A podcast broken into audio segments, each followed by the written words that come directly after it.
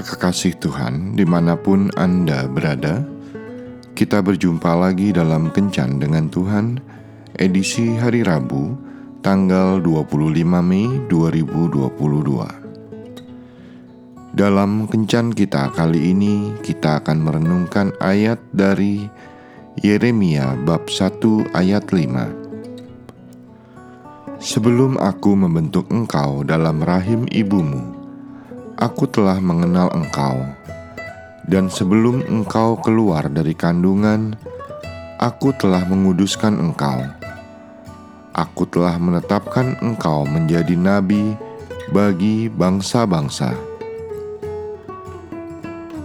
Sahabat kencan dengan Tuhan yang terkasih.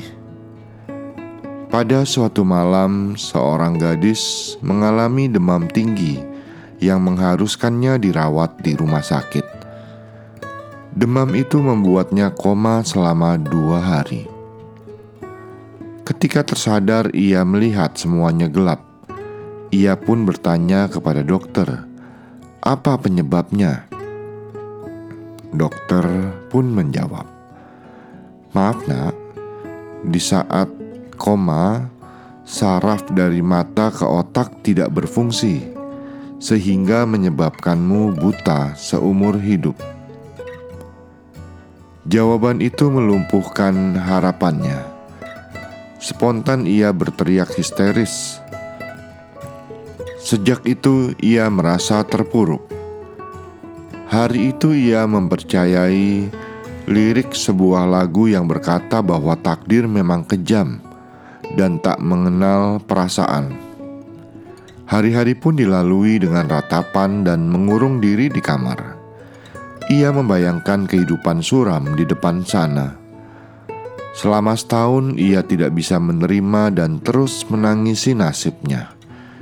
Namun kegetiran hidup itu seolah mencoba mencegahnya untuk melihat ke depan atau ke belakang, tetapi memandang ke atas. Di tengah keputusan itu, ia sering ngotot berdoa supaya mendapatkan mukjizat.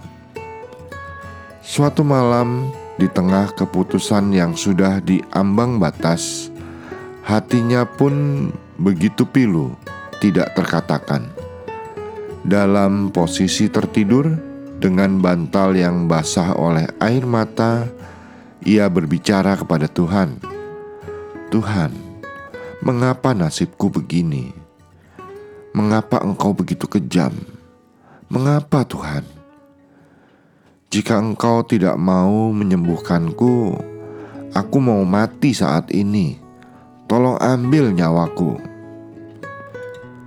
Tiba-tiba ada yang menggerakkannya untuk berlutut. Dia tak kuasa menolaknya dan lidahnya berkata-kata tetapi bukan dari keinginannya. Ungkapan itu berasal dari lubuk hati terdalam yang tidak pernah terasa selama ini. Momen yang begitu indah.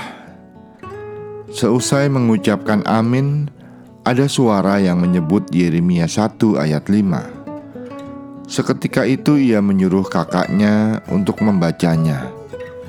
Ia heran karena sekali dibacakan, ia langsung bisa menghafal isi ayat itu. Sejak itulah semua keinginan untuk menyuruh Tuhan mencabut nyawanya dan keinginan bunuh diri hilang. Hatinya merasa tenang. Ia sadar bahwa hidupnya tidak berakhir di sini. Kisahnya belum berakhir. Ia memilih untuk melanjutkan hidup dengan keberadaannya apa adanya, walau dengan keterbatasannya. Ia percaya pasti bahwa ia bisa mengikuti kuliah. Ia bersyukur karena para dosen dan teman-teman bisa menerimanya.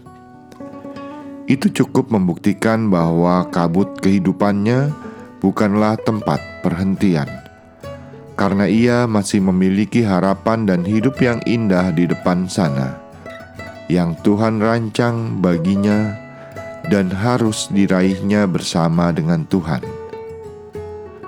Setiap orang pernah mengalami kegagalan yang seolah meruntuhkan harapannya. tidak sedikit yang memilih untuk terus berjuang, namun banyak juga yang memilih untuk menyerah. Dikala kita merasa kehilangan kesempatan dan semangat, mungkinkah itu benar-benar hilang? Bukankah kita malah mendapatkan pengalaman yang baru? Benarkah keterpurukan adalah akhir perjalanan? Tidak.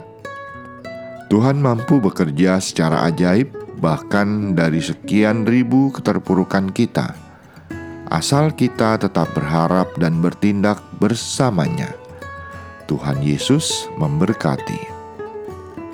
Marilah berdoa.